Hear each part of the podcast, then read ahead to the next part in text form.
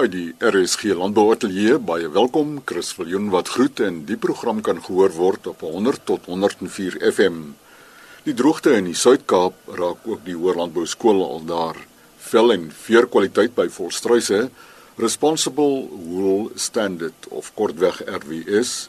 Agri Weskaap se reaksie op die gebeure op plase en finale jaar studente in voedselwetenskap op Stellenbosch maak bier uit ou brood, pretzels uit druifdoppe en ontbytpap uit piesangskille.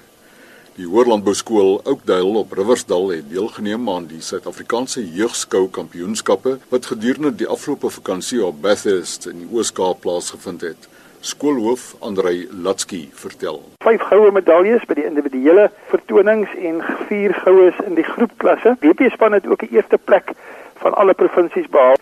Die boere in die Suid-Kaap is besig om plat te sny en te oes en dit lyk asof die garse redelike opbrengs uh, lewer alhoewel dit aanvanklik gelyk het of nie so gaan wees nie. Die manne praat so van 'n van 'n 2 ton hektaar as 'n redelike oes. En ons gaan ook hierdie week ons gars sny ons wolskeersel is gelewer en die droogte het daartoe sy bydrae gelewer in die sin dat ons 'n baie fyn wol gelewer het met 'n gemiddeld van 17,6 mikron.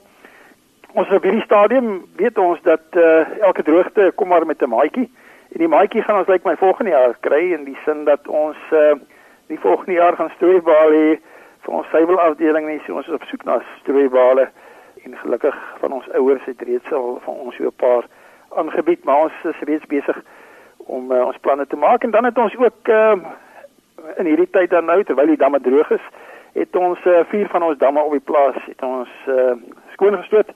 Een ding wat ek nou geleer het uit die droogte is dat ehm um, jy doen dinge wat dalk nooit sou gedoen het nie. En ehm um, ons maak reg vir die groot reën en ons glo ehm um, een aspek wat ek ook geleer het van enige boer is dat hy altyd positief is die bate van die boerdery is dat ons werklik ook aan ons leerders dan nou tentoongestel het dat daar sekere goed is wat ou moet aanpas. Verseker jou begroting, maar ook planne moet maak om uh, deur so 'n tydperk van droogte te kom. Andrei Latsky is hoof van die Hoërlandbou skool Oakdale in die Suid-Kaap. Volstruisvleis kan nie tans uitgevoer word nie as gevolg van die uitbraak van avian influenza wat natuurlik die klem weer eens plaas op kwaliteit vel en vere van die volstruis om 'n goeie inkomste te verseker. Dr Anel Engelbrecht is wetenskaplike op die navorsingsplaas Oudtshoorn. Nou veerkwaliteit loop tot 'n groot mate hand aan hand met vel of veerkwaliteit. Eerstens omdat die rypheid van die vere tot 'n groot mate die vorm van die knoppies op die vel bepaal. En die veerknoppies op volstruisleer is mos nou juist wat dit so uniek maak en anders as enige ander leer. Nog 'n faktor wat die kwaliteit van beide die vere en die leer beïnvloed, is eksterne parasiete. Nou een hiervan is veerluise wat veerkwaliteit beïnvloed deurdat die luise die dons van die vere eet. Dan kry mens ook veermyte. Hulle kom op die skagte van die vere voor, waar dit die ontwikkeling van die vere benadeel deurdat die myte die gelatine van die ontwikkelende veer suig. Nou wat minder bekend is, is dat die veermyte ook op die vel van die volstruise kan voorkom, waar hulle velirritasie en selfs velskade kan veroorsaak. Verder is daar dan ook suigende insekte soos bosluise en buitene insekte soos volstruisvliee en riviermuggies wat almal velskade kan veroorsaak by volstruise. Daarom is dit baie belangrik om die voorkoms van die parasiete en insekte by volstruise en ook in die omgewing te monitor en dan 'n goeie behandelingsprogram te volg om vel- en veerskade te verhoed. So byvoorbeeld moet volstruise goed nat gemaak word as spuitmiddels gebruik word om seker te maak dat al die parasiete gedood word. Verder moet mense ook onthou dat die geregistreerde dipmiddels almal 'n baie kort nawerking slegs enkele dae het. Volstruise moet dus baie gereeld gedip word en indien daar byvoorbeeld 'n probleem is met iets soos besoekende parasiete, omdat hulle natuurlik nie op 'n met 'n eenmalige behandeling gedood sal kan word nie. So byvoorbeeld in die somermaande na goeie reën, broei daar byvoorbeeld gewoonlik buitene muggies uit en dan moet jy jou program daarvolgens aanpas om te verhoed dat hulle velskade veroorsaak. Verder as jy opgietmiddels gebruik, is dit belangrik dat dit volgens die voorskrif aangewend word, naamlik op die riglyn. Jy kan ook kolbehandeling toepas byvoorbeeld op die vlerke of die stuitjie waar die bosluise byvoorbeeld graag aanleg. Onlangs 'n navorsing het getoon dat die aanwending van die opgietmiddels direk op die vel van die volstruis nie velskade veroorsaak soos wat voorheen buitgeglo is nie. Verder help dit om die skade wat die parasiete veroorsaak op die rug te verminder. Goedierdenkte program teen eksterne parasiete is 'n belangrike skakel om volstruise se vel en veerkwaliteit te verbeter.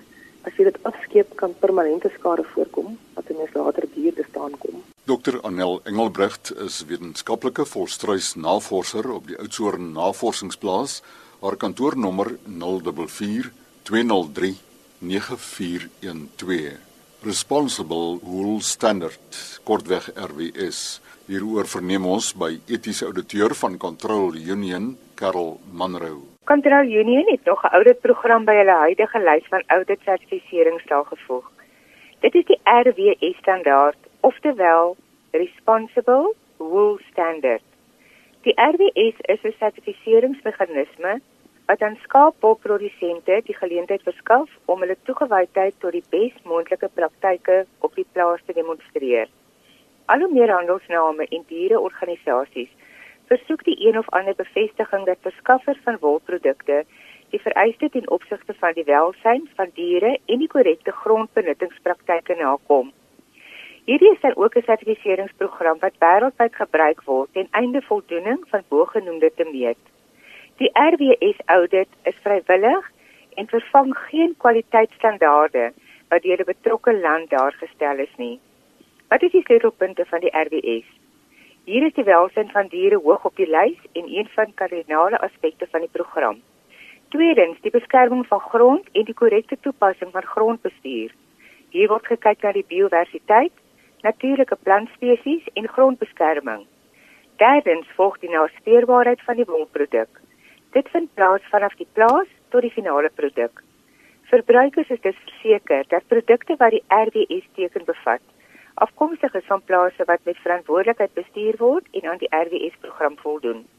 Nog 'n sleutelpunt van die RWS is dat elke stadium van die aanvoerketting deur 'n professionele derde party sertifiseringsliggaam geaudit word. Slegs 100% volprodukte mag die RWS kenteken dra. Die RWS program is ontwikkel met die hulp van wolprodusente, dierewelsynsorganisasies, grondbeskermingskundiges, bekende handelsnaamverskaffers en kettingwinkels van reg oor die wêreld. Besoek gerus www responsiblewool.org vir enige navrae rakende ouditbespreking of 'n kwotasie skakel asseblief vir Andre Meiburg by a.meiburg@controlunion.com of jy kan hom skakel by 076 997 9244 Karel Manrou van Control Union die webadres waarna sy verwys het is www.responsiblewool.org Die telefoonnommer van Andrei Meiburg 076 997 9244. Met die gebeure op plase gesels ons vervolgens met Karel Opperman, hoofuitvoerende beampte van Agri Weskaap. Van ons graanprodusente in die Oeverberg, Swartland en rondom die Kaapse metropool het reeds begin oes. Vir die min reën wat ons vanjaar gehad het, lyk die gebiede wat graan het om te oes sover nie te sleg nie. Daar's egter dele in die Rooi Karoo en Weskus distrik waar produsente ongelukkig vanjaar nie 'n enkele korrel gaan oes nie. Die droogte is egter nie die Kaapse landbou se enigste demper nie. Ons is in Oktober met twee afskriftelike en afsonderlike plaasmoorde gekonfronteer. Een by Philadelphia en een by Klapmuts en ook met 'n derde plaasaanval in die Koue Bokkeveld waarin die produsent baie ernstig beseer is en in hospitaal aansterk na veelvoudige steekwonde.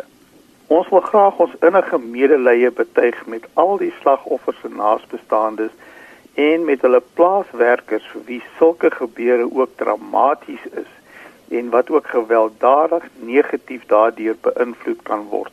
Plaasaanvalle in die Wes-Kaap eintlik betreklik ongekend in vergelyking met die res van die land.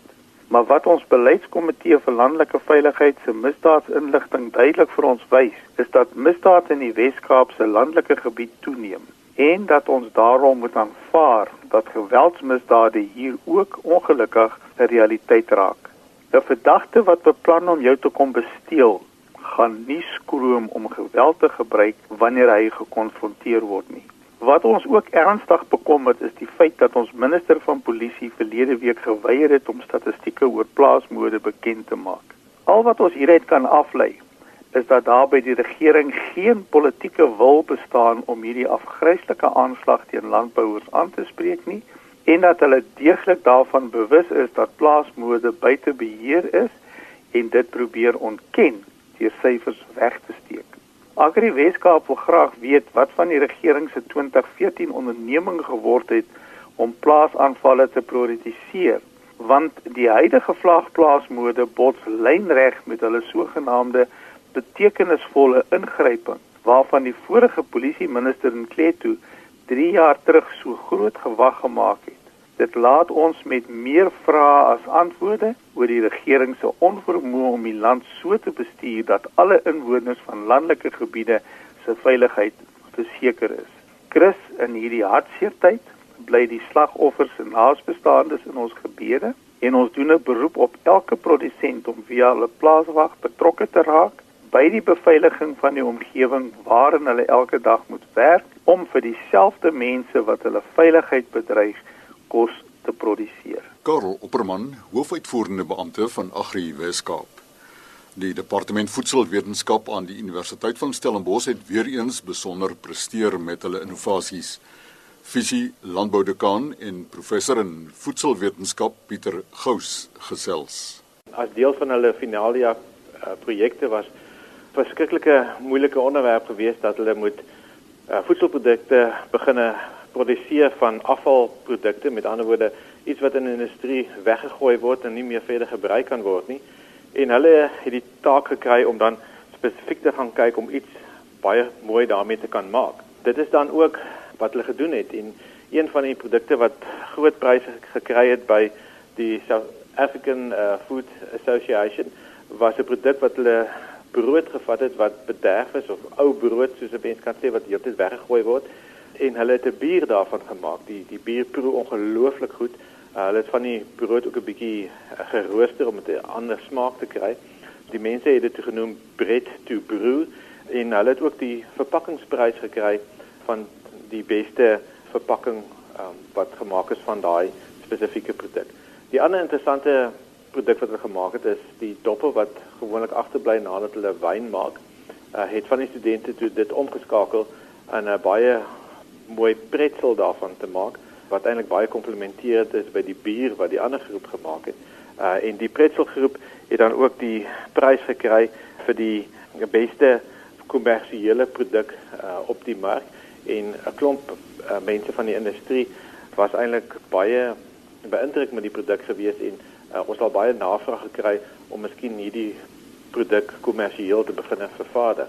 Dan was daar baie ander interessante produkte gewees. Een was 'n 1 minute noodle wat hulle gemaak het van afvalgroente wat gewoonlik weggesny word, skille wat hulle toe vervang het, die noodles en daarmee gemaak het en daai produk het ook baie goeie pryse gekry en die Innovation, dit is 'n maatskappy in die industrie het vir daai produk die beste innoverende produk gegee. Die produk wat die meeste aandag gekry het onder die uh, persone wat die produkdag bygewoon het, was weer eens die pretzel groep gewees van die afval drywedoppe wat hulle pretzels van gemaak het. En hulle het weer die prys gekry vir die produk wat die meeste deur die publiek gesien is as 'n baie kommersiële produk. Dan was daar ook ander interessante produkte gewees, een wat hulle sweet wave gevat het en uh interessante toffies gemaak het met ongelooflike lekker geure. Daar was tot 'n rooibos geur gewees wat hulle daarmee gemaak het. Die ander een was hierdie koffie wat agterbly nadat mense 'n lekker cappuccino maak of koffie latte maak. Het hulle spesifiek gemeng met afvalprodukte van oorsake afkomstig is van groente af en hulle het 'n tipe pap daarvan gemaak, terabytes noem hulle dit. Die ander het hulle weer piesangskille gevat en daarvan ontbytpap van gemaak, tesame met uh yoghurt wat hulle gebruik het en ook dit met 'n uh, koffie gegeur het deur middel van hierdie afval koffie stukke wat daar was. So ons is baie trots op die produkte wat die studente gemaak het. Ehm um, hulle het uh verskriklik hard gewerk die jaar om dit 'n sukses te maak en ons sien uit daarna om van hierdie produkte op die mark te sien in die toekoms. Professor Pieter Gous, fisiedekaan in die fakulteit Agriwetenskappe aan die Universiteit van Stellenbosch, ook professor in voedselwetenskap. Dan in RSG Landbou môreoggend om kwart voor 12 kyk ons na 'n plan wat fokus op klimaatsverandering, geleenthede en uitdagings met die oog op klimaatsbestandheid. Water is ons groot probleem. Vra wat van boere afkom op die oomblik gaan oor water. Hoe kan ek water slim op my plaas te werk gaan? Die waarde toevoeging op plase is waterintensief. So as 'n boer 'n pakstoor het waar daai vrugte gespoel of gewas word, dis waterintensief. Chris Viljoen groet vanaf Elsenburg.